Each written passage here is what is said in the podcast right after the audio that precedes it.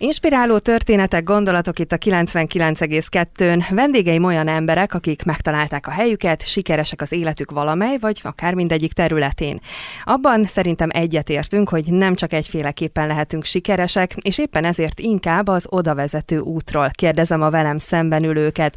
Mai vendégem pedig Tóth Dániel György, azaz Pixa, DJ, producer, dalszerző, MC. Több mint 20 éves pályafutása alatt több stílusban is kipróbálta már magát, számos számos formációval dolgozott együtt, dolgozik Európában és a tengeren túlon, aztán forgatott klipet Snoop Doggal, megcsinálta a 2015-ös nyár slágerét, a Bulibárót, Kisgrofók közreműködésével, de persze csak néhány dolgot emeltem ki a munkásságából. Minden esetre nagyon sok szeretettel köszöntelek, szia! Szia, üdvözlöm a hallgatókat! Hogy vagy? Tök jól. Kicsit meleg van itt a stúdióban, leveszem majd a pulóverem, és tök jó leszek. Mi az, ami most zajlik körülötted egyébként? Mi, mi van most veled? Szokásos dolgok zajlanak, sok fellépés van. A legaktuálisabbat, hogyha ki lehet emelni, akkor az, hogy a közös zeném a By Alex-el. Gondolom őt azért ismerik a hallgatók. Mm, egy-két héten belül forog hozzá a klip, és utána meg fog jelenni.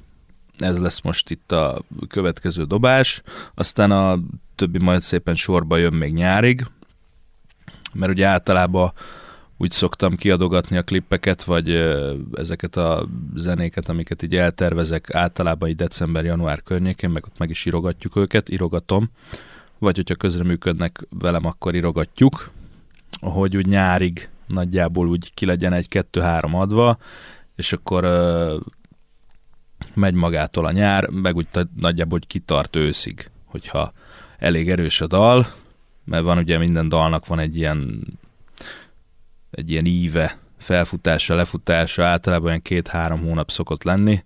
Mondjuk én szeretem inkább kitolni, főleg úgy próbálom irogatni, hogy mindegyiknek legyen egy olyan üzenete, ami, ami hát nem egy, nem egy túlságosan mély, ugye, így gondolok itt az afterre, vagy a bulibáróra, vagy a hajad is milyenre, de azért mégiscsak valamennyire megragadjon, plusz ugye egy-két szó, ami megjegyezhető belőle, az legyen azért tartósabb, és akkor arra tudok építkezni egész évben. Hm?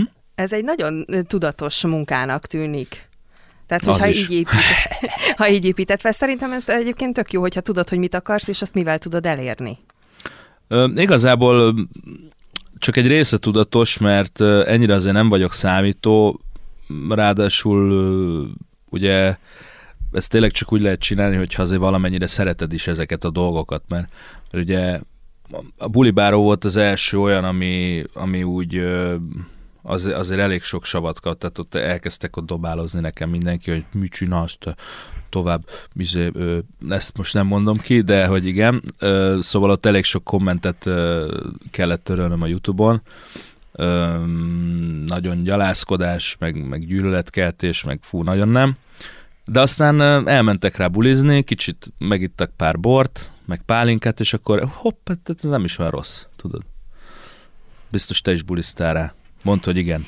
Egyébként igen. igen, és a barátnőm keltett ezzel egyébként szombat reggel teljes hangerővel. Az úgy akkor nem volt annyira kellemes, úgy az első pár másodperc, de figyelj, most így ezzel kapcsolatban egy bulizenének kell egyáltalán, hogy legyen olyan mondjuk mély üzenete, tehát a bulizenének pont az a lényege, nem, hogy könnyen megjegyezhető szöveg, táncolható, ugrálható, meg egyszerűen így jól érzed rá magad, és nem azzal foglalkozol, hogy most meg akarod-e menteni a világot, vagy sem. Igen, ez, hát ezt elég jól látod. Nagyjából akkor tudod is a receptet. Nem, Esetleg nem valahol egy párat. valami üresedés, valahol. akkor nekem nem lenne dolgom, de jó lenne. Nem ám, az az igazság, hogy, hogy ezt tényleg ezt jól látod.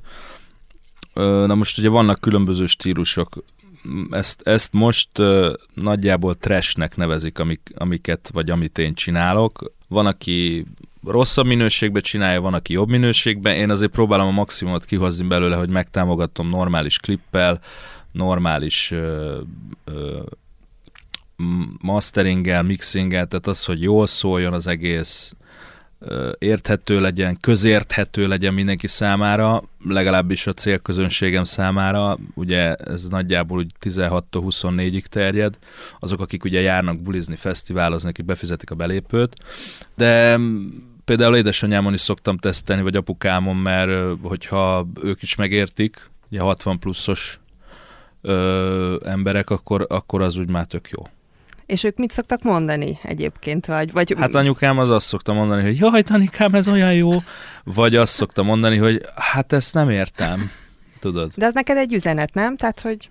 Igen, igen, hát ezért nem véletlen tesztelem rajtuk is. Apu, ő, ő gitározik, vagyis hát gitározott, így, így amatőr vagy fél profi szinten, fél haladó, közép nagyon rosszul, és ő azért egy kicsit zenei szemmel is tudja nézni, vagy zenei füllel tudja hallani, hallgatni, úgyhogy ő szokott így egy-két tanácsot, hú, ez sok, ez hosszú, ez nem, ezt így, így kéne, meg ott kéne valami, és akkor gondolkodok rajta, gondolkodok rajta, meg még van plusz még egy négy-öt ember, akinek így meg szoktam mutatni, és akkor, és akkor így kialakul a, a, a végleges történet. Visszakanyarodva a trashhez, a trash az egy olyan műfaj, ami pont ez a, ez a nincs annyi üzenet, csak hogy egy kicsit úgy ki ráncsuk a hétköznapokból az embereket, és tényleg az, hogy elfelejtsék azt, hogy, hogy hétköznap úgy van egy csomó dolguk, dolgoznak, vagy éppen tanulnak, vagy éppen akárhol vannak, vagy vannak problémáik, vagy éppen nincsenek, és akkor a hétvégén csak úgy elengedik magukat ezekre a zenékre. Tehát nincs nagy megfejtés, tudják énekelni, örömet okoz nekik, és akkor úgy mennek haza, hogy na ez egy jó buli volt. Énekeltünk összeölelkezve, közösségi történet. Legalábbis én így látom, mert vagy szeretném így látni, meg akkor is, hogyha nem mindig sikerül, mert nagyon nem szeretem azokat az üzeneteket, amik, amik tényleg arra buzdítják az embereket, hogy ezt meg azt csináld, ami szerintem mondjuk nem, nem jó drog, stb.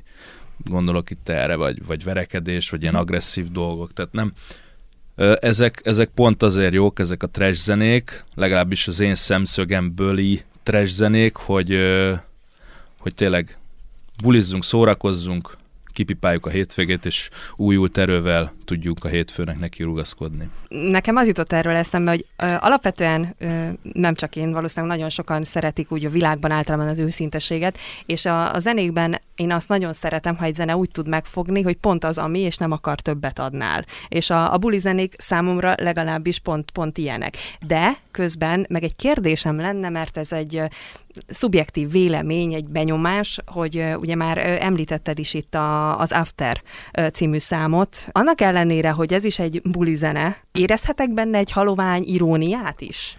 Persze. Hát ugye az after szó, meg ugye az after jelenség, azon kívül, hogy ugye tudjuk, hogy angolul mit jelent, azon kívül ugye van egy bizonyos réteg, akik, akik finoman szóval nagyon-nagyon szeretnek bulizni.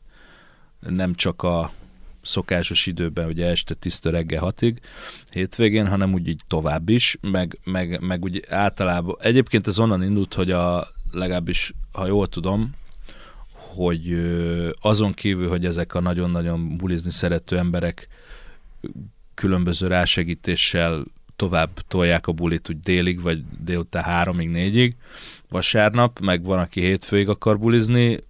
Az after azoknak lett kitalálva, én úgy tudom, hogy akik szórakozó helyeken, vagy éjszakák, ész, éjszakások, különböző munkahelyeken, hogy ők is el tudjak menni bulizni, mert itt tudom, még régen a hajógyárin ugye rengeteg ember dolgozott, a 5-6, nem is tudom hány szórakozó hely volt, és akkor kinyitott a végén a koronita, reggel, az egyik szórakozó helyből volt azt hiszem leválasztva. Azért merek már róla beszélni, mert ezek már nem léteznek, legalábbis ott nem. És, és akkor oda mentek a pultosok, a kidobók, a, az egész személyzet, és akkor elkezdtek bulizni. Hogy ők is ki tudjanak kapcsolódni, vagy egész egyszerűen hétköznap mentek el, de akkor meg nem mindenkinek van kedve elmenni bulizni. Azért találtam ki magamnak ezt a titulust, titulust hogy én vagyok a legafteresebb, mert nekem ugye különböző tudatmódosító szerek nélkül, alkohol nélkül, cigi nélkül, meg minden nélkül megy a, bulizás, bírom, az oda-vissza vezetést, lenyomom a bulit, ott maradok, pacsizok mindenkivel, aki oda jön, fotókat csinálunk, tényleg próbálom mindig úgy megcsinálni a bulit, ahogy tényleg elvárják tőlem, vagy, vagy, vagy ahogy úgy érzem, hogy kell. Van, amikor én is elfáradok, emberből vagyok, sajnos ez van, de azért a, az estek többségében ez szokott tudni működni, és egy kicsi ilyen görbetű kör, ö, amit akartam felállítani ezzel a zenével, hogy minden afteres most, pedig egyébként, ha jól tudom, pont a hajógyáris időszakban, meg még a fluortomi időszakban, a mizus időszakban, ami már lassan tíz éve volt, egyébként pontosan nyolc, már ott elkezdtünk ezzel viccelődni, egy after, még a Mizu zenében benne is van, hogy after, after a, szobában, szobában, igen, meg filmezünk az ágyban, és akkor ott, ott volt egy ilyen after jelenség, és ez pont a hajógyár is korszak végére esett, és, és akkor most így elővettem ezt a szót, mm, hogy hát ha, aztán végül is bejött, mert mert um, csináltunk pólókat, pulcsikat, és azért azért úgy ö, most egy kicsit így rám ragadt ez a legafteresebb, de hogyha valaki megkérdezi, akkor ezt így szoktam definiálni, hogy azért vagyok én a legafteresebb, mert nekem még minden nélkül is megy. És ennyi a történet.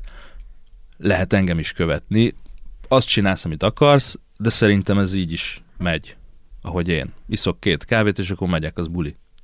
Ezzel szembe is mész a sztereotípiákkal, ugye, aki, aki DJ, tehát, hogy azokról nyilván azért van az embereknek egy kis fenntartása, mert azért mégis éjszaka dolgoztok, meg sokat, tehát keveset alszotok, és úgy átlag gondolkodással, hát hogy lehet ezt bírni? És akkor nyilván ezért fordul meg az emberek fejében leginkább, hogy nektek biztos kell valami tudatmódosít, hogy ennyire tudjátok tolni, és hajnali kettőkor te nem mondhatod azt, hogy akkor én most elfáradtam, úgyhogy itt hagyom a CD-t bekapcsolva, bulikázzatok, és akkor én majd, hát igen. majd megyek. Az igazság, hogy azért a DJ-k nagy része nem, nem is nagyon tud, meg nem teheti meg azt, hogy húzamosabb ideig olyan dolgokat csinálja, hogy, hogy húzamosabb ideig így van.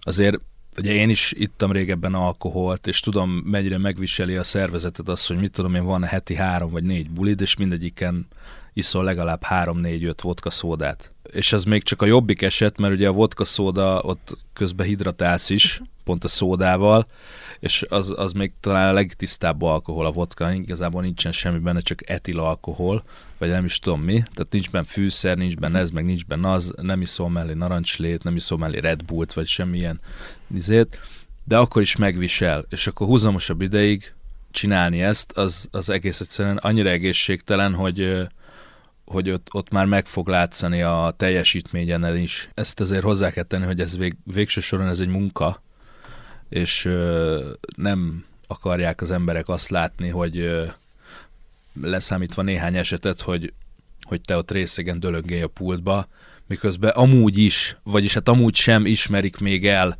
a DJ-zést sokan annak, ami amúgy lehetne, hogy, hogy egy ténylegesen most már azért elértük azt, hogy, hogy ugye zenekarok, meg, meg előadók után vagyunk, nagy színpadokon, stb., de azért még mindig az, hogy nézd, a gyerek eljött az USB-vel, mi meg itt hozzuk a gitárokat, meg a dobokat, tudod. Én egy kicsit ebből ki, kilógok, mert ugye én magam csinálom a zenéimet, forgatok klipet hozzá, törődöm vele, forgatok bele vissza pénzt, adok vissza bele. De tényleg van, aki semmit nem csinál, csak DJ-zik más zenét játsza. Én próbálom a 70%-ban sajátjaimat, vagy a saját remixeimet játszani. a sincs semmi baj, ha valaki tök más, vagy csak más zenét uh-huh. játsza, csak akkor viszont nem szabad elvárni azt, hogy úgy kezeljék őket, mint egy előadót, vagy akármi. És ez folyton egy ilyen, izé, egy ilyen vita tárgya, hogy most akkor mi, mi, mik, mik vagyunk, meg kik vagyunk. Na minden visszakanyarodva arra, hogy, hogy ugye az éjszaka Ugye az éjszaka, az éjszakai munka, de legyen az bármilyen, kamionsofőr, biztonsági őr, gyárban éjszakai 12, tök mindegy soron dolgozni, ott is dolgoztam, tehát tudom, hogy miről beszélek. Mindegyik kicsinálja az embert, az éjszakai munka duplán használja el a testedet, mert nem arra van kitalálva az emberi test, hogy éjszaka csináljon valamit, akkor aludni kellene, ugye? Aki ezt aki nem erre született, aki ezt nem bírja, azok nyúlnak tudatmódosító szerekhez, azok nyúlnak alkoholhoz. Na most ezek a dolgok ember válogatja sajnos. Én próbálok egy olyan példát mutatni, egy kicsit viccesen, de azért amikor megkérdeznek buli után, némelyik azt mondja, hogy persze, persze, nem nyom semmit. Hát mondom, tesó, mehetünk vérvételre, nyugodtan, bármikor, itt a kezem. És hidd el, hogy igen, ezt így is lehet csinálni. Van, aki tök más példát mutat, vannak haverjaim, akik, akik uff, állandóan isznak, persze ők is csak azért mutogatják ezt az Instagramon vagy a Facebookon, mert ez is egyfajta image, de jelenleg még az alkohol legális. Na most az, hogy már drogoz, drogozást, meg ilyen rockstar életet ö, hirdetünk, az már szerintem nem jó, az már nekem nem fér bele, mert a drog egyrészt nem legális, másrészt tényleg káros és nagyon drága. Nem jó. Aki viszont nem bírja ezt az éjszakai életet, ugye visszakanyarodok megint, azért ezt ellensúlyozni kell, tehát ezért próbálunk, elég sok DJ nagyon-nagyon-nagyon sokszor előfordul edzőtermekbe, próbálunk odafigyelni a kajára. Egyébként akiket ismerek, a, kvázi a top DJ-k Magyarországon nem nagyon isznak és drogoznak, mert, mert nagyon sok a buli, sokat megyünk, és nem bírná szervezet, hogyha még az ott is ugye szükség a máj, szükség lenne a májra, a vesére, a mindent elhasználunk, nem jó. Agyunk is ki lenne. Tehát, de hozzáteszem, hogy azért némi nemű megkattanás, időzéles megkattanásra szükség van, mint ahogy ö, minden ilyen kreatív szakmában, mert normális ember ilyet tényleg nem csinál. Amikor dolgoztam gyárban, ilyen éjszaka 12, az körülbelül ennyire csinált ki mindez a bulizós DJ-s turnés élet. Na most azt hozzáteszem, hogy én egyedül megyek, beülök a kocsiba, oda megyek, lenyomom, maradok, amíg kell, hogyha dupla buli van, akkor sietek a dupla bulihoz, vagy a másik buliba, és utána hazavezetek. Úgyhogy megterhelő ez is. De ezt választottam, és amúgy viszont nagyon szeretem. Tehát az, hogy emberek között vagyok, és tudok rájuk hatni, hogy, hogy akkor most akkor tegyük fel a kezünket, stb. stb., meg ilyen dolgok, meg az, hogy utána tudok velük beszélni, mindenkinek van véleménye, még akkor is, hogyha alig tud állni a lábam, mert annyira berugott. Érdekesek ezek, tehát izgalmas az egész. Én ezt szeretem csinálni, de tényleg alapból, hogyha az ember nem szereti az embereket, nagyon sok ilyet hallok, hogy jaj, fú, én de utálom már ezt, meg, meg úgy egyáltalán nem utálok emberek között lenni, stb. stb. Hát akkor ezt nem szabad csinálni, meg az ehhez hasonló dolgokat sem. Alapvetően szeretni kell az embereket, és akkor utána jöhet a többi, meg hát a zenét. Nekem ez az első kettő. Többi meg majd jön magától, ha meg nem, akkor meg mást kell csinálni. Az éjszakázásról ö, szerintem nyilván nagyon sok hallgatónak van vélemény, akik valaha szintén dolgoztak éjszaka, vagy most is úgy dolgoznak, de akkor neked hogyan néz ki egy napod? Hiszen erre is át kell állni, tehát akik három műszakba járnak, nekik is egy teljesen más ö, ritmusuk van. Neked te hogy tudod ugye kompenzálni? Nagyjából igen, egyébként a három műszakos munkához lehet ezt az egészet hasonlítani. Mondjuk vegyünk egy átlag hetemet, de szerintem a DJ-k többségére, meg az előadók többségére ez igaz, kivéve aki tényleg rockstar életet él. A hétköznapok azzal telnek el, hogy, hogy az átlagos elmész, befizeted a csekket. Telefonálsz, leszervezed a bulikat, én ugye zenét is sírok, ö, azzal azért elég sok minden megy el, nem is a zeneírással megy el sok idő, hanem a, a, a, azokkal a dolgokkal, amik ahhoz vezetnek, hogy kész legyen egy zene, aztán egy klip is. Logisztikázunk, hogy akkor mit tudom én, ezt a bulit össze lehet kötni ezzel, meg azzal. Tehát nagyjából úgy néz ki, hogy egy kicsit később kelünk fel, nem hatkor, hanem mit tudom én, kilenckor. Mert azért olyan gyorsan nem lehet átállni arról, hogy mondjuk vasárnap hajnali hétkor megérkezem otthonra, és akkor teljesen kiszívva energia nulla, szellemi, az agyam az teljesen szivacs, és, és akkor lefekszem, hogy na, jaj, de jó. És akkor mondjuk pénteken elindulok, van mondjuk ezen a héten három bulim van, pénteken kettő, szombaton egy. És akkor pénteken alszom egyet délután, ha tudok, ha éppen nem fúrnak fölöttem vagy mellettem, és, és akkor este kávé, bemegyek a szokásos ÖMV-hez, ez mondjuk reklám, bemegyek a szokásos benzinkutra ott nálunk, és ö, egy kis instasztorizás, egy kis kávé, és akkor megyek. És, ö, és ö, indul, indul a buli. Na most ö, azért nem mondom a részleteket itt hétköznapokban, mert nagyon sok olyan dolog van, ami, ami most így nem is nagyon jut eszembe, de mégis meg kell csinálni. Felhívnak, csinálj egy videót ehhez. Posztolj az eseménybe, akkor beidőzitek 8 posztot. Fú, tesó, csinálj már még egy videót, mert ez így nem jó, akkor, akkor, akkor fölhívnak innen, fölhívnak onnan, akkor el kell menni könyvelőhöz, mert ugye ez is ugyanolyan, tehát egyéni vállalkozók vagyunk, adózni kell, stb. stb. számla, le kell adni, ezt a pont tegnap voltam a könyvelőn, így legalább akkor az is le van tudva. Ö, szóval olyan dolgokat kell csinálni, mint egy átlag vállalkozónak, vagy egy átlag melós, vagy egy átlag embernek. Csak azért dolgozunk hétköznap, hogy hétvégén dolgozhassunk pénzért. Tehát így gyakorlatilag nincs szabad napunk. Tehát ez a 7 per 24, mint általában Igen. a vállalkozóké. Hogy... Igen.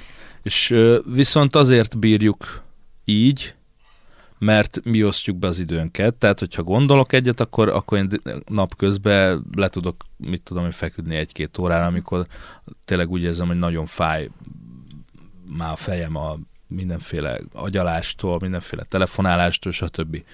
Ami viszont nagyon fontos, hogy minden nap el kell menni edzeni, vagy valamit csinálni, ami, ami, ami mozgás, meg ami fizikailag leterhel, mert, mert nagyjából a bulik leterhelnek fizikailag is, hogyha tényleg beleadsz dolgokat, beleadsz mindent, de azért ez nem ugyanaz.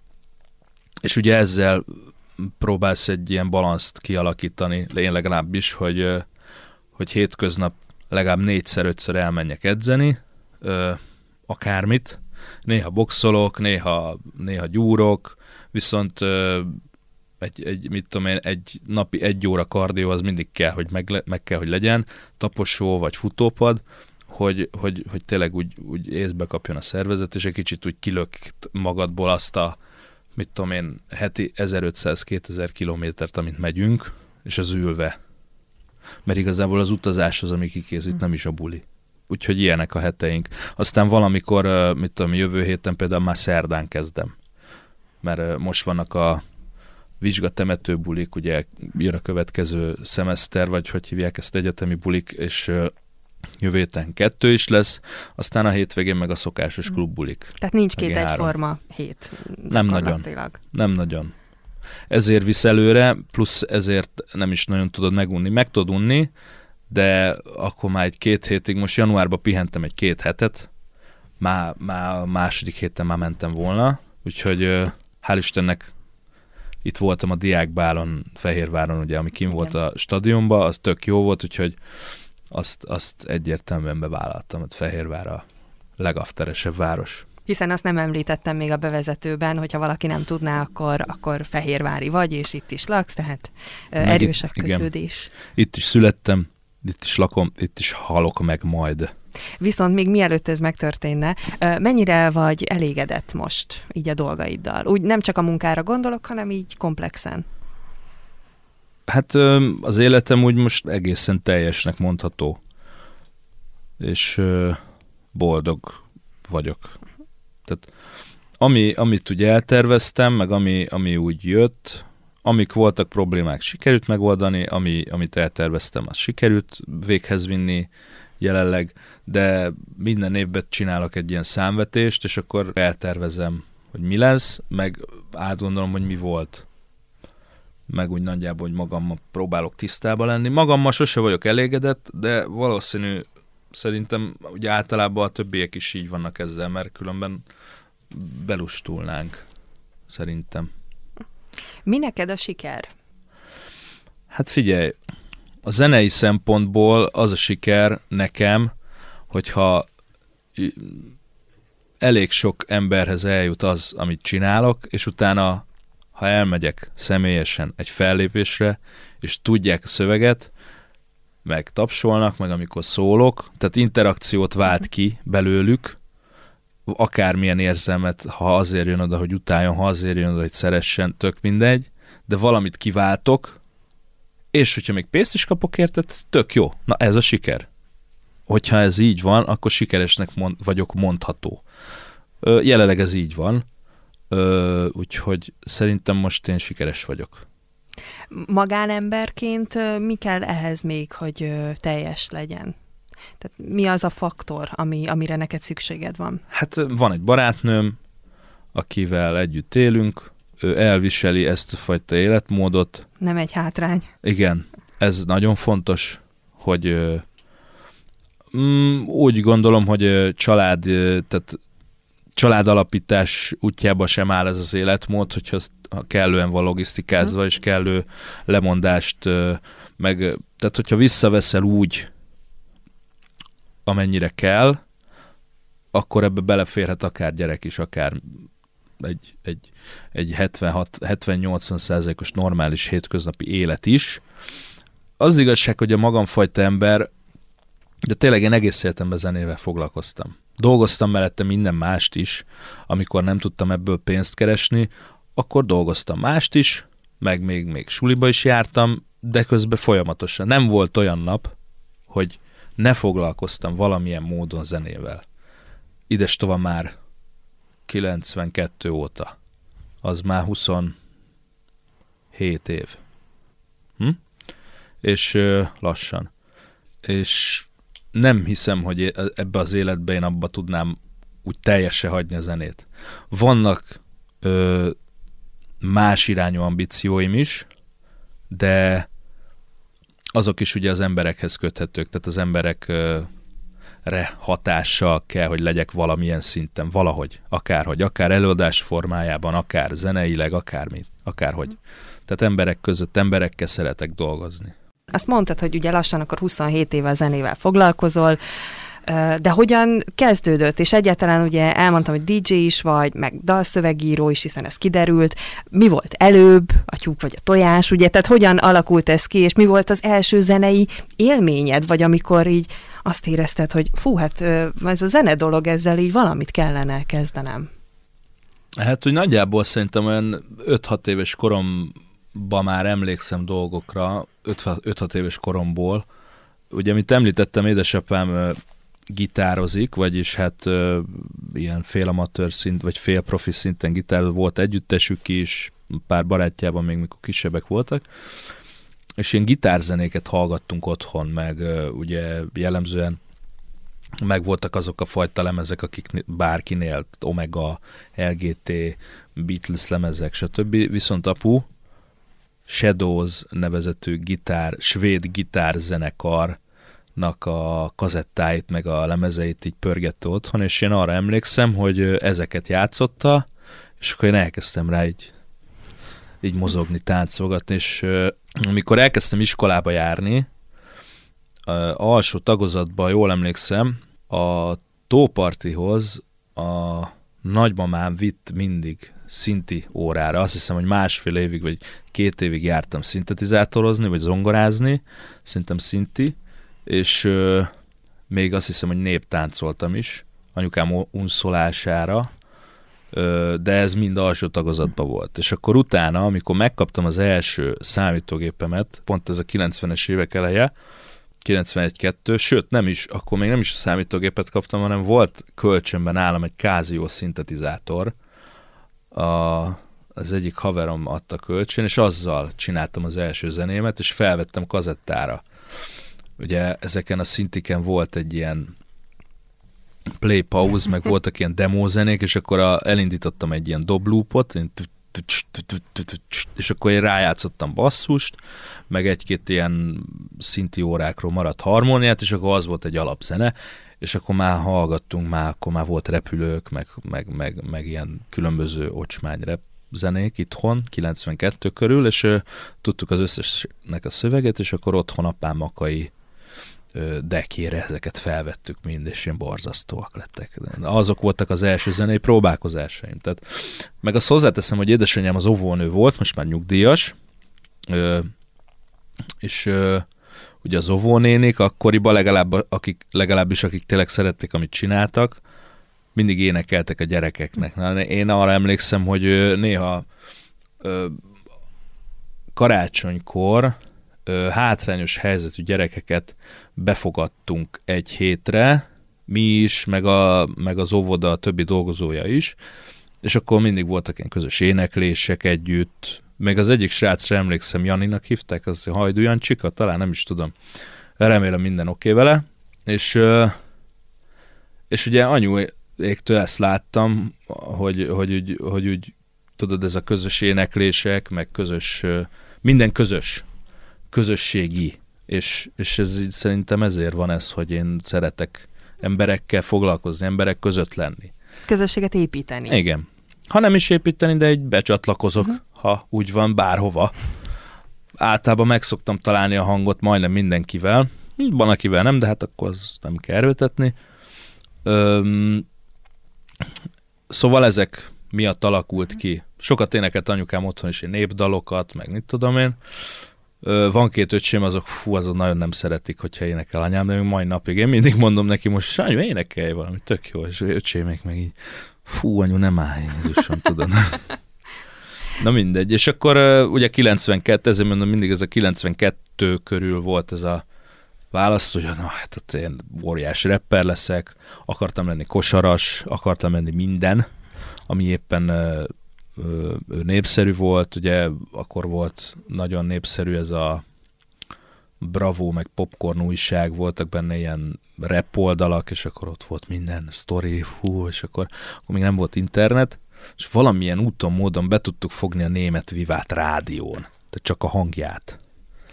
Ugye a tévén akkor még nem jött, ö, és akkor vettük föl kazettára, de az egész napokat, és akkor egy apám, az, össze, az apám összes kazettájára tök mást vettem rá, azt amikor rájött, akkor elvert, nem, amúgy nem vert el. Ö, egyszer vett csak el, de akkor, akkor is azért, mert elszöktem engedély nélkül, még tíz éves voltam, elmentem a haveromhoz, megnéztük a, nekik volt videójuk, nekünk nem, föl, föl, fölszaladtam a köfémre hozzá, megnézzük a Cobra című régi Stallone filmet, 86-os. És ezután kaptam majd csak meg az első számítógépemet, és akkor onnantól kezdve már kiderült, hogy eléggé, hát azonosan, hogy tudok ezekkel a programokkal. Uh-huh. Akkor még elég kezdetleges Azt programok kérdezni, voltak. hogy akkor azért mit, mit lehetett, vagy milyen lehetőség volt benne, hiszen emlékszünk szerintem azért az első számítógépekre otthon. Igen, 486 SX, 386, tehát épp, hogy futott rajta a Prince of Persia, meg a Mario. Az voltak akkor is, hát ugye, sőt az első hang Hát DAV-k, tehát ezek a Digital, Digital Audio workstation tehát ezek, ezek a programok, a sequencer programok, amiket ma is használunk, akkor már léteztek, csak egy kicsit máshogy néztek ki, meg a számítógépek is, ugye. Ö, nem is tudom, ez ilyen száraz lesz most, amiket, amit most így mondok. Voltak ezek a PCX-es, meg 576 kilobájtos kilobájt újságok, voltak CD mellékletek benne, és voltak rajta demo programok, meg demo zenék, meg demo játékok. Na az egyiken találtam egy Sound Lab, vagy Sound valamit, nem tudom már nevét.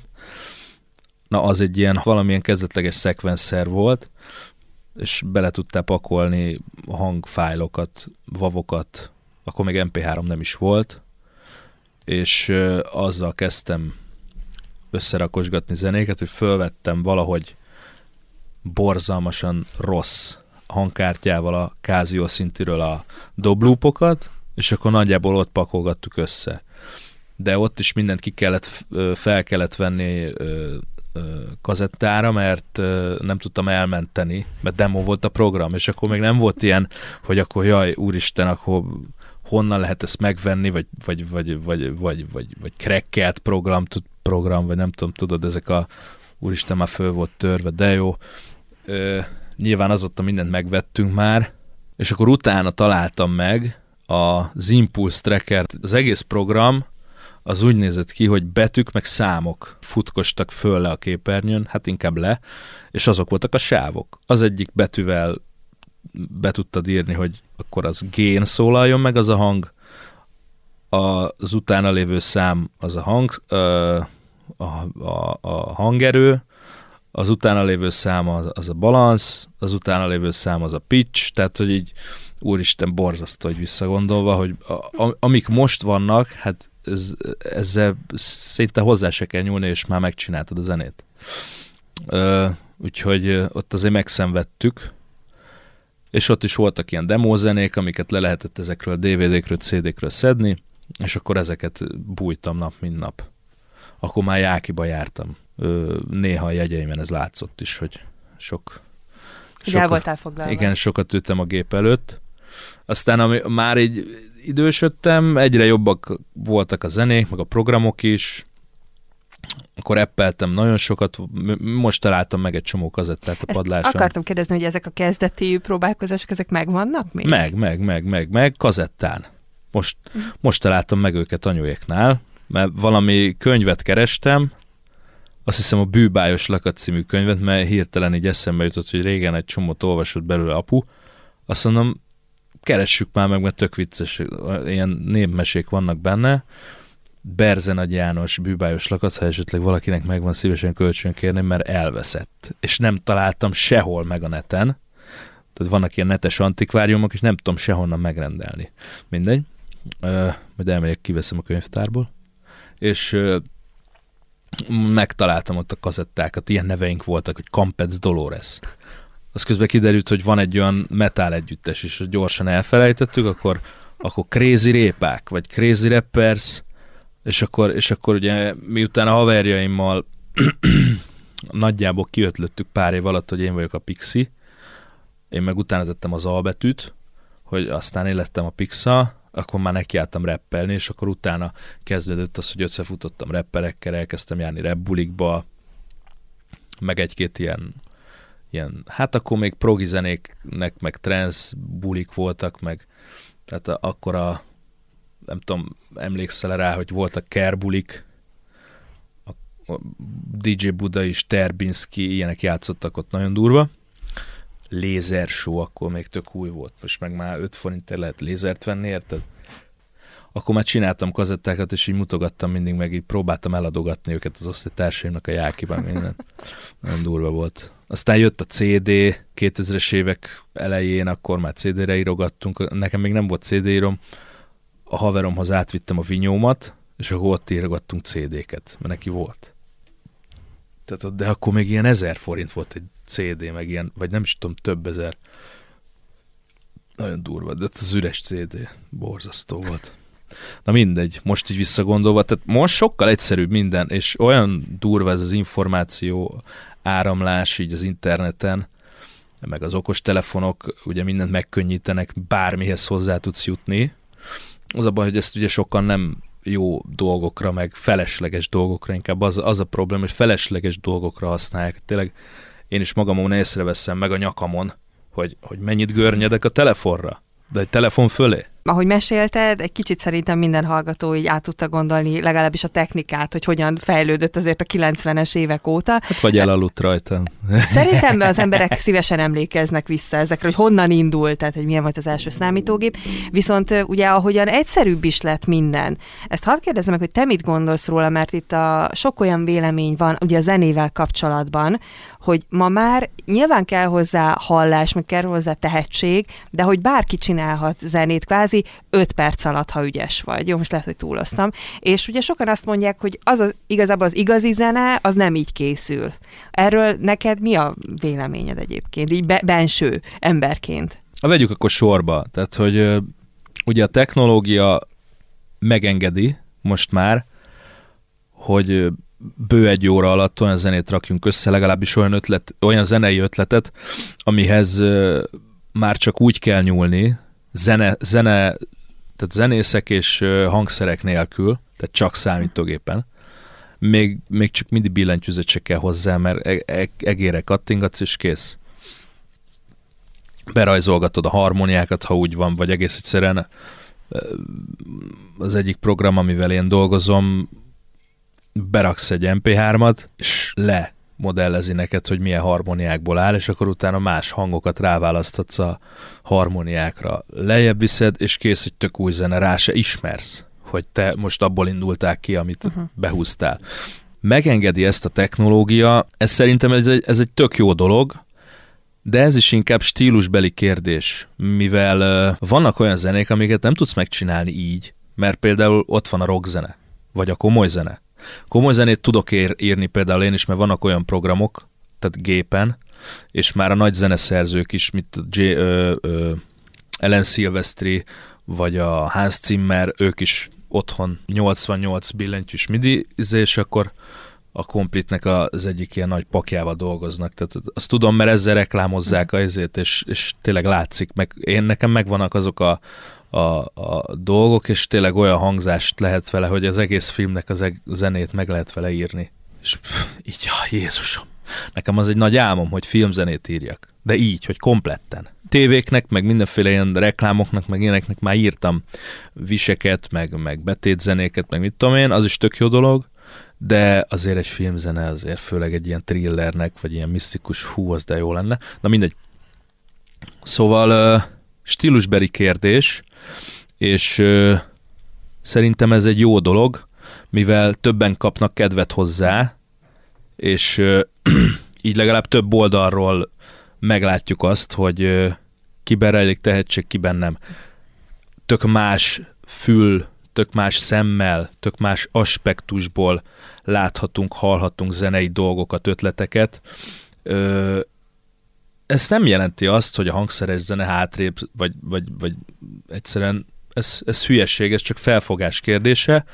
Ö, ugyanúgy meg, szeretek meghallgatni hangszeres zenét, mint elektronikus, digitális módon készült zenét, mert számomra például nincs jó, vagy nincs ilyen meg olyan nem jó, vagy rossz, vagy izé, hanem van, ami tetszik, van, ami nem tetszik. Innentől kezdve tök mindegy, hogy számítógéppel vagy hangszerre csinálták. A zenei ötlet legyen maga jó, utána eldönti maga az egyén, hogy hogy akarja azt kidolgozni. Aki hangszerekkel szeretne, az hangszerekkel csinálja. Aki nem, az meg nem. Tehát a lehetőség. Így van. van, így van, és én szerintem a technológia, én nagyon szeretem a technológiát, meg a technikát, a számítástechnikát, meg mindenféle ilyen digitális kütyüt. Szeretek új dolgokhoz hozzányúlni, szeretem ö, az új applikációkat, szeretem az új programokat, a plugineket tesztelni. Én ilyen izé vagyok, ilyen műtyürkézős. Lehet, hogy a Jákiba töltött pár éven miatt van ez. Volt egy nagyon kedves osztályfőnökük, a T. Feri, a Tamás Feri. Hát ő állandóan mindig ő, ő, ő miatt tudjuk azt, hogy hogy honlap, meg e-mail. Mert akkoriban jött be, közben mindenkinek volt e-mail, senki nem használta, de ő, ő így nagyjából hogy rávezetett minket, hogy na ez egy jó dolog. És akkor hú, akkor összerakni egy számítógépet darabokból, de jó. Érted? Még abba a generációba tartozom, akik megjavítják a dolgokat, nem kidobják és újat vesznek. Na mindegy, ez van a zenében is megvan a sokféleség, viszont egy picit most így rád visszatérve, és nem csak a zenére, én vagyok, én vagyok, uh, hanem uh, Ugye mondtad, hogy amikor ugye elkezdtél zenével már komolyabban is foglalkozni, és mondjuk éppen nem hozott pénzt, akkor dolgoztál. Miket? Nyilván ez is a kérdés, de hogy most egyenes volt neked az utad, vagy voltak kitérők? Mert ah. hogy a zene meg azt mondtad, az mindig ott volt. Tehát ah. független attól, hogy éppen nem kaptál érte pénzt, attól te csináltad. Mennyire volt kemény itt úgymond letenni a nevedet az asztalra? Az igazság, hogy ha visszatekintek mondjuk az első tíz évre, ami mondjuk 92-93-tól mondjuk a 2000-es évek elejéig tart, az ilyen, az ilyen komolytalan tehát azok fiatal az ember. Igen, hát én akkor úgy gondoltam, hogy ez egy halálosan, véresen komoly dolog. Tehát, hogy ez, összeraktam két-három-négy albumot, úristen, tehát most mi, mi az, hogy leszarják, tudod? Bocsánat. Mi az, hogy nem érdekli őket? Mi az, hogy izé? És ugye visszatekintve ez, ez, ez így nem, nem volt olyan erős.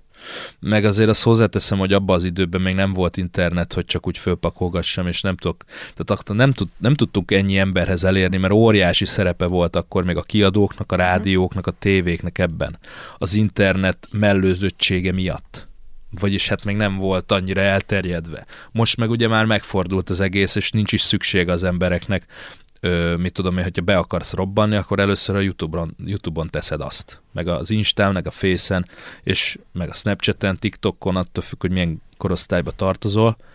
Ö, ebből a szempontból ez jó, akkor viszont ez nagyon-nagyon nehéz volt. Tehát én, én nem egy demót küldtem ö, kiadóknak. Volt úgyhogy a Dope Man, meg a Gangsta Zoli koncertezett a Fezembe, ami akkor még Báhof néven futott, és ö, mentem oda este tízre, mikor még pakoltak, hogy a Dopemannek az egész zenekar a Fehérvári volt.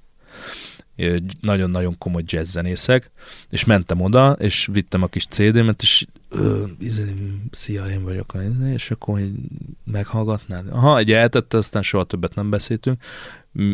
Egészen addig, miután elhívtuk az Eküvel a rádió műsorunkba tíz évvel később interjúra, az egy nagyon komoly műsor volt, na mindegy, majd arról is mesélek, egyszer, nem biztos, hogy most.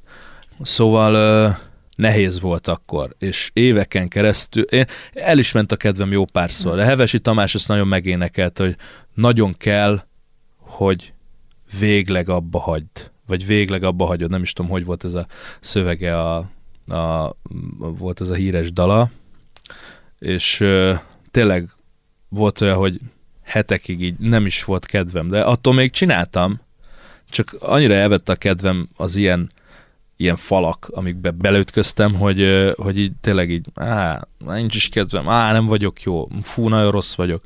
De valahogy mindig. Meg hát nagyon fontos volt, hogy bíztattak, ott a szüleim, azok mindig. Ez sokkal többet számít, mint hogy lett volna egy csomó pénzem a promócióra, vagy, vagy, vagy lettek volna olyan haverjaim, akik így bevitték volna ide meg oda a, a kazettámat, vagy a CD-met. Mert így, így, így, így meg se fordul már a fejembe, egy idő után már nem fordult meg a fejembe, hogy ezt abba hagyom. Uh-huh. Ö, és ö, a Jáki után elmentem ö, hangtechnikus hangmester képzésre Pestre. Akkor laktam először Pesten egy évet, a nyolcba, fú, az gyönyörű volt, akkor még nem volt ennyire átrendezve ott a Korvin környéke. És ö, na ott nagyon sok zenésszel találkoztam, és a, a, az, az adott még egy löketet és akkor uh, utána jártam az újságíró suriba az eküvel a hősökből, osztálytársak voltunk, azt is elvégeztem, és utána felvettek Pécsre az egyetemre, műszaki infóra, elmentem, beiratkoztam, és a Punaniból a Felcser Mátéval mm, elmentünk egy kicsit italozni. Ö, el voltunk, másnap beiratkoztam ott a Boszorkányúti koleszba, aztán soha többet nem mentem az egyetemre. Olyan minőségben, hogy én oda járok. És hazajöttem, és megépítettük a stúdiómat, aztán elkezdett ide jönni hozzám ö, először még csak ilyen amatőr rapperek, aztán már, már nagyobb rapperek is, és ö, elkezdett hozzám járni a Fluor, aztán az SP. És onnantól. De ezek mondjuk akkor számodra az első mondjuk sikerek? Igen, tehát ö, a három részre lehet osztani a az eddigi karrieremet, ezt a 20 akárhány évet, hogy 92-től 2002-3-ig bohóckodás, 2003-tól 2007-ig érdemi munka nagyon kevés pénzért, nagyon sok munka nagyon kevés pénzért, ismerettségek kötése, a három fontos ismerettség volt ebben a, hát több is, csak amiből úgy, úgy, úgy a külső szemlélőként is te például látod, hogy az úgy ténylegesen úgy ért valamit, szakmai szempontból, az az SP-vel való összefutás, a Fluora, meg az EQ-vel, mert az EQ volt az első, aki támogatott úgy, hogy oda csődítette az összes rappert. Ők akkor már 2001-2-ben már lemezük volt, már szigeten mhm. zenétek, kisebb sátorba, stb. Underground körökbe a hősök már egy, egy, egy elég komoly rap együttes volt. A többiek meg még akkor bontogatták csak a szárnyaikat. Akkor a legnagyobb király az a kezdet fiai volt. 2003, ha jól tudom. És, és akkor az alatt a három-négy év alatt, ugye 2007-ig, 8-ig, amíg fel, fel nem költöztem Pestre egy ilyen 4-5-6-7 évre, az alatt nagyon sok lemezt csináltam, magamnak is, másoknak is eljöttek hozzám stúdiózni, ott anyukám még nem volt a stúdió, ami meg egyébként mindig megvan, ott találtam meg a kazettáimat is, és akkor oda, oda járt a Fluortom is, meg az SP is Sompromból, meg ott lagott, és akkor ott kezdtük el csinálgatni közösen ezeket a zenéket, amik később sikeresek lettek. Tehát az SP első album az még ott készült. Az Áj meg, ami először az volt az első olyan zene, 2007-es, ami az akkor éppen nagy népszerűségnek örvendő Viva TV-nek a top 10-es csártyán 7., 8., 6., 7., 8 helyig jutott, és akkor onnantól kezdtünk el bekerülgetni abba a körbe, megjöttek az első jogdíjak, úristen. tudod? Az milyen, milyen volt? Hát az nagyon jó érzés volt. Most visszajön, tehát a befektetett Gondol, munka Gondolj az... bele, hogy, hogy mit tudom én, évekig óriás csóroskodás, tehát tényleg ilyen 3000 forintokért dolgoztam, mit tudom én, napokig mert annyiért tudtam, csak annyit fizettek egy zenémért, vagy egy keverésért, vagy egy mhm. felvételért, hogy jöttek oda hozzám, és üveg visszaváltásokból, meg éjszakai 12 órázásokból jöttek össze az ilyen mikrofonok, mint amikben milyen, mi most is beszélünk. Így raktuk össze a stúdiómat. Meg ugye anyám még segítettek. Ö, és, ö, és egész egyszerűen jött egy nagyobb összeg, ugye a jogdíjból. Uh-huh. És így ez, úristen, ez komoly. Na hát akkor, akkor itt lehet, hogy van értelme ezt csinálni. De nagyon nagy szerencse kellett hozzá, és később kiderült, hogy, hogy az éppen, ugye én, hát most már ugye mondhatjuk, hogy hol dolgoztam mostanáig, ugye a Music FM megszűnt, és én ott a Juhász Gerivel dolgoztam. Szóval három és fél évig voltam Music FM-ben most. És én nem tudtam, hogy ő régen a Viva TV-be ugyanúgy zenei szerkesztő volt, és ott, ott ült azon a meetingen, amikor valaki megmutatta az SP-nek az első klipjét, az iMaget, és ő mondta, hogy ezt játszani kell. Ugyanígy volt a Mizuval is. És ez, amikor így dolgoztunk együtt, meg ugye megismerkedtünk, ez így kiderült, és én tök jót hahotáztunk rajta, hogy milyen érdekes, tök jó. Egy, gyakorlatilag a Juhász Gerinek is köszönhetjük azt, hogy úgy részben hogy köszönhetjük azt, hogy úgy, úgy, úgy tartunk valahol. Most a SP, a Fluor, meg én is. Meg közben ugye ö, volt egy nagyon nagy segítőnk a Vermesorsi, aki akkor még, amikor felköltöztünk Pestről, egy újságíró volt, egy szerkesztő a Popcornnál, aztán később ő lett a fiúk menedzsere. Meg, meg személyi asszisztens, meg minden esem. Szóval ez a harmadik epizódja a karrieremnek, az 2007-8, tehát egy 10 éve.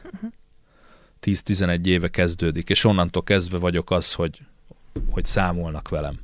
Mint producer, és később, mint ö, ö, előadó és DJ, amikor már kiléptem a többiek mögül, nem uh-huh. csak mint producer uh-huh. tevékenykedem, hanem mint előadó, DJ, vagy ahogy, ahogy ki éppen, ahogy nevez, tehát a Pixa. Mi késztetett erre? Vagy késztet, ez csúnya szó. Tehát, hogy mi volt az, hogy azt mondtad, hogy oké, okay, tök jó ez így, de most akkor én is csinálok valamit. Az igazság, hogy ugye azt kevesen tudják, vagy hát ez csak ilyen underground körökben volt létező ö, dolog, hogy én, én, én azért a rap, rappeléssel kezdtem. Rap, ének, stb. stb. Tehát volt nekem közös lemezem, saját lemezem is volt, meg közös lemezem is másokkal, az Eküvel, a Sziszkával, az mondjuk elég, elég, elég gusztustalan egy lemez volt, nagyon csúnyán beszéltünk benne, persze minden fikció volt benne, de hát tök mindegy. És uh, utána jöttek csak ezek az SP meg a mhm, fluorral való ismertség, tehát én először előadóként akartam mindezt csinálni közben csináltam a produceri tevékenységem is, mert azt is szerettem ugyanúgy. Tehát ezt nem lehet ketté választani, hanem egész egyszerűen minden nap fölkezd, és akkor hát most reppelni van kedvem. Most zenét csinálni. Most zenét csinálni van kedvem, utána meg ráreppelni. Vagy érted, jön egy ötlet, te is tudod, te is egy kreatív uh, munkát végzel nagyjából, azért, azért ezt hogyha vannak megkötések, időintervallumok, akkor azért oda kell tenni, de hogyha nincs, és én, én szabályozom az életemet, meg én szabályozom azt, hogy mikor csinálok zenét magamnak, akkor, akkor, akkor ez így kedv kérdése, meg ihlet kérdése. Aztán, amikor besűrűsödtek ezek a dolgok, és már időintervallumok voltak, meg, meg, meg megjelenési dátumok, ugye az SP-nél Fluornál, meg kiadók, meg klip jön ki, meg úristen, meg izé, akkor, akkor már azért, akkor félre kellett tennem ezt, hogy, hogy akkor én óriás rapper akarok lenni. Aztán volt egy másik dolog, még egy fehérvári illetőségű srác, az Andró. 2008. Ott tartunk, és, és akkor ö, úgy költöztünk fel Pestre, hogy SP jött Sopronból, Andró meg én Fehérvárról, uh-huh. és mhm. így laktunk hárman a Terész körúton egy ilyen nagy lakásban, és akkor én az Andrót előtte egy évvel ismertem meg, egy ilyen közös barátunk mutatott be neki, hogy én már hallgattam elő, előzőleg a mixeit, meg mit tudom én, akkor ő, ő is akkor kezdte bontogatni a szárnyait, de ő már akkor járt fellépni pénzért. És akkor egy, egy hullámosszal lettünk, nagyon-nagyon-nagyon jó barátok lettünk, aztán ugye együtt laktunk, és akkor kitaláltunk, hogy akkor csináljunk már egy, egy olyat, hogy, hogy ő zenél, én meg ordítozok a mikrofonba mellette, és akkor ebből lett a Nobody Moves nevű formáció. Tehát ott már, mint előadóként is terv, uh-huh. tevékenykedtem, amellett, hogy ugye csináltam a Fluornak, az SP-nek a zenéjét, meg még akik megkerestek, meg még a reklám, meg még a tévé, meg még a izé. Aztán valamilyen úton, módon kimaxoltuk azt a dolgot, és mert egy idő után megszaporodtak a fellépéseink, megcsináltunk két lemezt. Hát csináltam két lemezt, és akkor Nobody néven kiadtuk. Mert én énekeltem rajta, meg én csináltam rajta szinte mindent. A Gabinak akkor, meg az Andrónak akkor meg nagyobb neve volt, meg ő akkor került oda, volt egy ilyen Rise FM nevű rádió, akkor, és ezt is mondhatjuk, mert már nem létezik. Ö, ő, ott is, ott próbálkoztak talán másodszor, ugye volt a Rádió egy, és a Rise FM az egyfajta konkurenciája volt ennek akkor, ilyen 2007, 8, 9, 10, nem tudom, és akkor ő ott DJ volt, az viszont elég jó hírnevet hozott neki, ő tudta ezt a legjobban kihasználni, ö, mert a másik három DJ-ről azóta nem is hallunk szinte. Ö, és ö, ez ment olyan 2012, 13, 14-ig talán, ö, aztán egész egyszerűen elfáradt az a fajta zenei stílus, amiben mi tevékenykedtünk, akkor ilyen elektrós, uh-huh. ugrálós, metálos, dubstepes dolog. Ö, én meg közben kimentem Amerikába egy jó pár hónapra dolgozni egy, egy, egy, egy lemezen, utána hazajöttem, aztán nyomtunk még egy pár bulit, de azok már nem voltak olyan jók, meg nem is, így eltávolodtunk egymástól. Van ilyen. És akkor utána keresett meg ez a szlovák srác, 2014-ben, hogy akkor ő, ő egy Snoop Doggal akar zenét csinálni. Kiröhögtem kétszer, és addig-addig erősködött, amíg fogta magát, lejött, és mondta, hogy hát ő neki így van, van egy ilyen nagyon gazdag támogatója Szlovákiába, és hogy ő kifizeti, mert ugye Amerikában ez úgy működik, hogy oda mész egy előadóhoz, vagyis hát a menedzsmentjéhez, és mondod, hogy te akarsz egy közös zenét vele csinálni, ők meg vagy azt mondják, hogy á nem, vagy azt, hogy mutasd a zenét, és akkor utána megmondom, hogy mennyibe kerül. Megmutattuk a zenét, azt mondta, oké, okay, ennyibe meg ennyibe kerül, hát egy családi ház ára, és ö, dollárban, és akkor így, így egyszer csak így ott volt a számítógépemen, a vinyómon a Snoop Doggnak az akapellája, a sávok a zenémen, és így néztem, hogy ez turva. És akkor ezután volt az, hogy hónapokig ment a húzavona, hogy mikor legyen a forgatás. Ugye mindent a srácnak a, az investora, vagyis hát a mhm. mecénása fizetett, 100, 100 valamennyi ezer dollárról volt itt szó. Életemben nem fogunk annyi pénzt látni. Aztán kimentünk és forgattunk egy klipet, Snoop Dogg van is közös képen vele, videóról, hogy tényleg ott voltam, mert tudod, ilyenkor mindig izé. Igen. A persze, persze, hol van a zene? Meg izé. Aztán a zene is megjelent, de sajnos a srác elrontott ezt a promóciót, mert ugye az egy dolog, hogy létrejön egy valami, egy klip, meg egy valami. Hogyha világszinten akarod ezt intézni, akkor egész egyszerűen még egyszer annyi pénz kell hozzá, mm. és akkor még csak Amerika, vagy akkor csak Európa. Tehát, hogy nem lett belőle szinte semmi. Gyakorlatilag pár százezren megnézték, és le van korlátozva Csehország és Szlovákia területére. Tehát nagyon sajnálom, meg egy kicsit meg is őrült a srác, nem beszélek már vele azóta, de mindegy, és akkor utána egy mondtam magamnak, hogy na jó van akkor, akkor most csak magammal foglalkozom. Mm. Utána megszületett Bulibáró 2015-ben. Hát az viszont ütött. Hát az ütött. De ott is azért óriás mákunk volt, mert nem is az én ötletem volt ez, képzeld el, hanem Vermes Orsolya, mondtam neki, hogy te figyelj már, csinálnék így valamit magammal. Ugye előadónak úgy annyira így nem nagyon akartam, mert, mert az, ahhoz azért kellett volna. Meg, nem, meg tudom, hogy miket kaptak az SP-k, a fluorék, tehát ez a DJ-zés ez nekem úgy feküdt. Mindig is.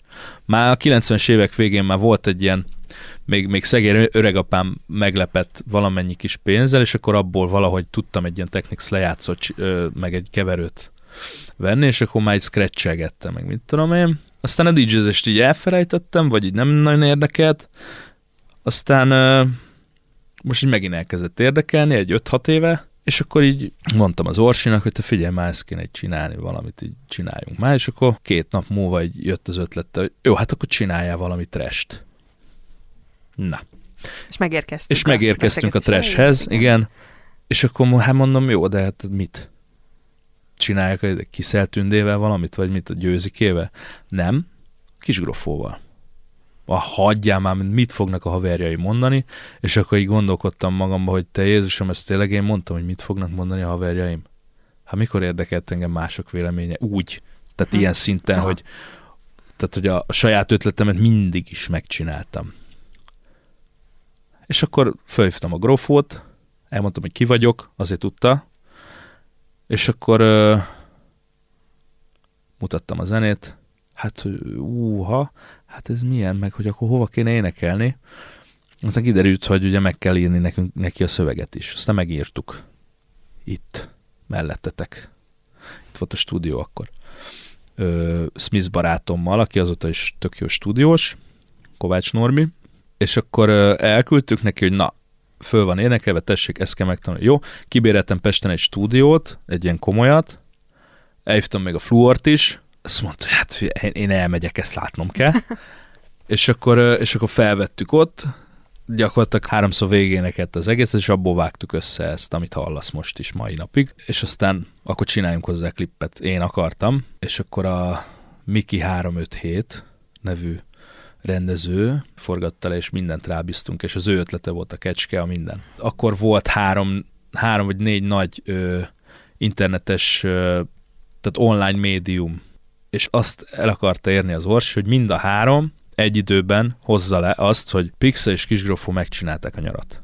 És lehozta, elérte, reggel a Petőfin még a Buda Marci-nak a műsorában, aki megint csak fehérvári kötődésű, ott volt a premier, biztosíték ki, teljes izé, mi ez a izé, fú, de rossz, mi ez? Na, onnantól kezdve ment. 350 ezer megtekintés egy nap alatt, azt hiszem és onnantól kezdve, és ez volt az első olyan, hogyha nem számoljuk a majkát, mert az nem trash, ugye akkor volt már belehalok, ez volt az első olyan trash zene, ami több tízmilliós, most már 25 milliónál jár a Youtube-on. És, és ez, ez megadta a kezdő lökést. Jó is volt a dal, könnyed is volt a dal, vicces volt a klip, tehát minden összejött egybe. És akkor onnantól kezdve vagyok csak Pixa már. Te hogy vagy a kritikával? Mennyire viseled jól, mennyire nem. Ugye mondtad, hogy még, még a beszélgetésünk elején, hogy azért voltak olyan hozzászólások, amiket azért töröltél, mert nyilván ez szubjektív, valakinek vagy tetszik egy műfaj, vagy nem. A szak, tehát az, az, az a fajta vélemény, hogy, hogy nem tetszik a zeném, vagy tetszik a zeném, vagy nem tetszik a pofám, ilyen is van, azok nagyon el vagyok vele, nem is nézem.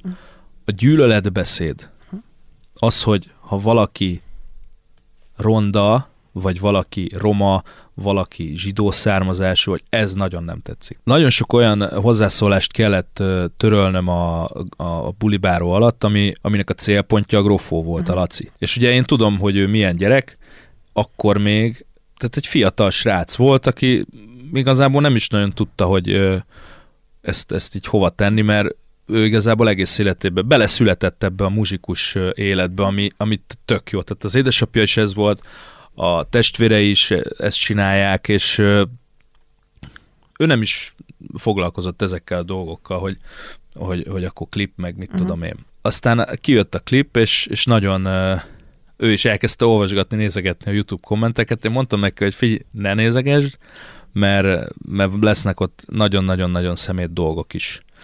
És ugye jellemzően ezek az arc nélkül YouTube kommentelők, uh-huh. ezek szoktak ez, ezzel, azokkal nem tudsz mit csinálni. Uh-huh. Egész egyszerűen be, beírtam én, mint admin a saját csatornámon, hogy, hogy azok a bizonyos szavak, amiket így, amik így egyből eszembe jutottak, hogy a káromkodások, akkor a gyűlöletbeszédek, a, a, a erőszakos ságra utaló dolgok, ezeket így alapból ne, ne, ne is tudják beírni, de mégis ugye vannak erre olyan lehetőségek, amik tehát elírsz két betűt, vagy, vagy kihagysz egy mit egy space, vagy teszel egy csillagot, akkor is le tudod úgy írni, hogy azt, azt úgy értsék a többiek. Na most azért elég sokat kell törölnem, azt egy idő után már nem érdekelt. Az a baj, hogy ez gusztustalan dolog. Tehát Tehát, hogy ha, ha jól értem, akkor azt mondod, hogy ha ö, olyan kritika van, ami nem a munkádhoz, vagy az eredményhez Igen. köthető, azt, azt nem viseled el, kvázi. Tehát, elviselem,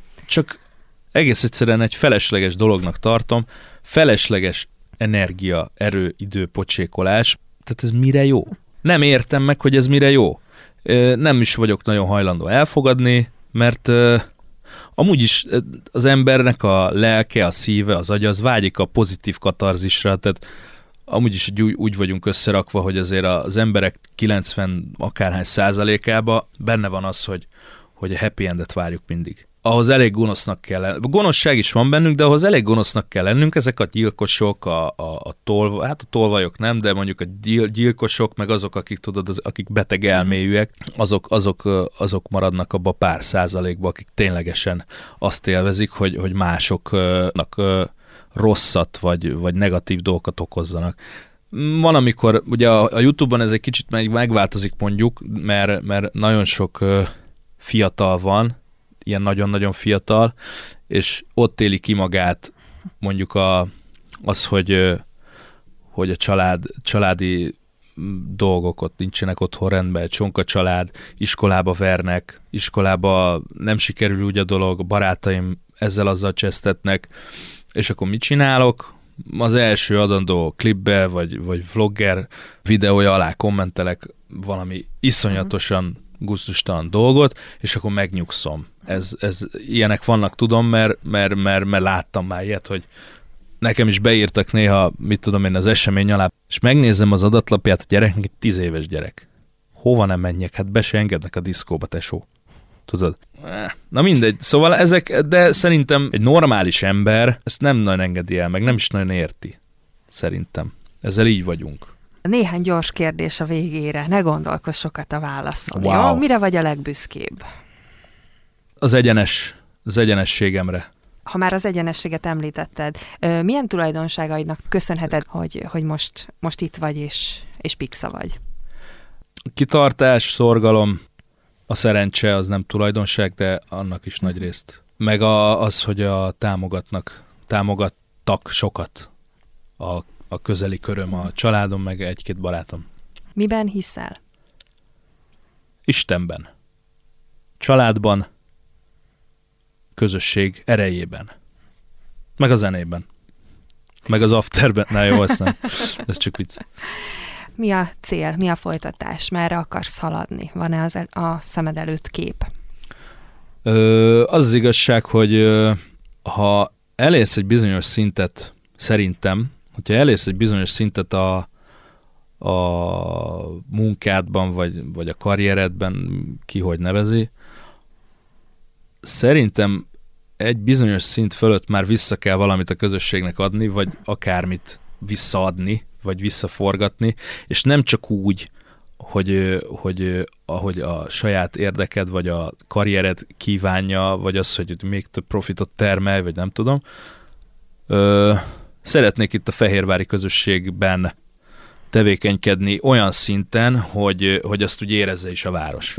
Tehát vannak ilyen irányú ambícióim, hogy most például valószínűleg lehet, hogy ezt most még nem kéne elárulnom, de azért elmondom, hogy készülök egy-két iskolában, nem csak itt Fehérváron, hanem középiskola és egy-két egyetemen ilyen hasonló témákat érintve előadásokra beszélgetni. Tehát ilyen kötetlen kis, ugye ez a self-made dolog, a, a az internetes kommunikáció, Insta, Facebook, stb. Plusz ugye kitérünk ezekre a dolgokra is, vagy szeretnék kitérni ezekre a dolgokra is, amiket itt említettünk pont az előbb. Egyrészt a fiataloknak a véleményét szeretném ismerni. Úgy, úgy néz ki, vagy úgy látszik, vagy úgy érzem, hogy, hogy, ez, hogy valamennyire azért tudok rájuk hatni, és ezt szeretném egy kicsit kiterjeszteni nem csak az éjjeli tevékenységemre, hanem a nappali tevékenységeimre. Ezért szeretném ezeket az előadásokat kivitelezni, majd mm, az elkövetkezendő egy-két-három hónapban, és akkor majd utána majd meg majd ki tudja, hogy mi következik. A lényeg az, hogy ennek a városnak a közösségét szeretném elsősorban ugye előnyben részesíteni ezekben a dolgokban. mm, bármi nemű kulturális célzattal, vagy irányjal, irányban. Aztán a zenét ugye azt folyamatosan továbbra is szeretném csinálni, a felépéseket ameddig bírom csinálom, csak a, a lényeg az, hogy, a pozitív, hogy az üzenet legyen pozitív, és előre haladjunk, és ezt szeretném sugározni is. És hogyha követnek engem, vagy hallgatnak rám, akkor érezzék ők is ezt. A lényeg az, hogy a nappalra is szeretném a tevékenységemet kiterjeszteni, jelentsen ez bármit.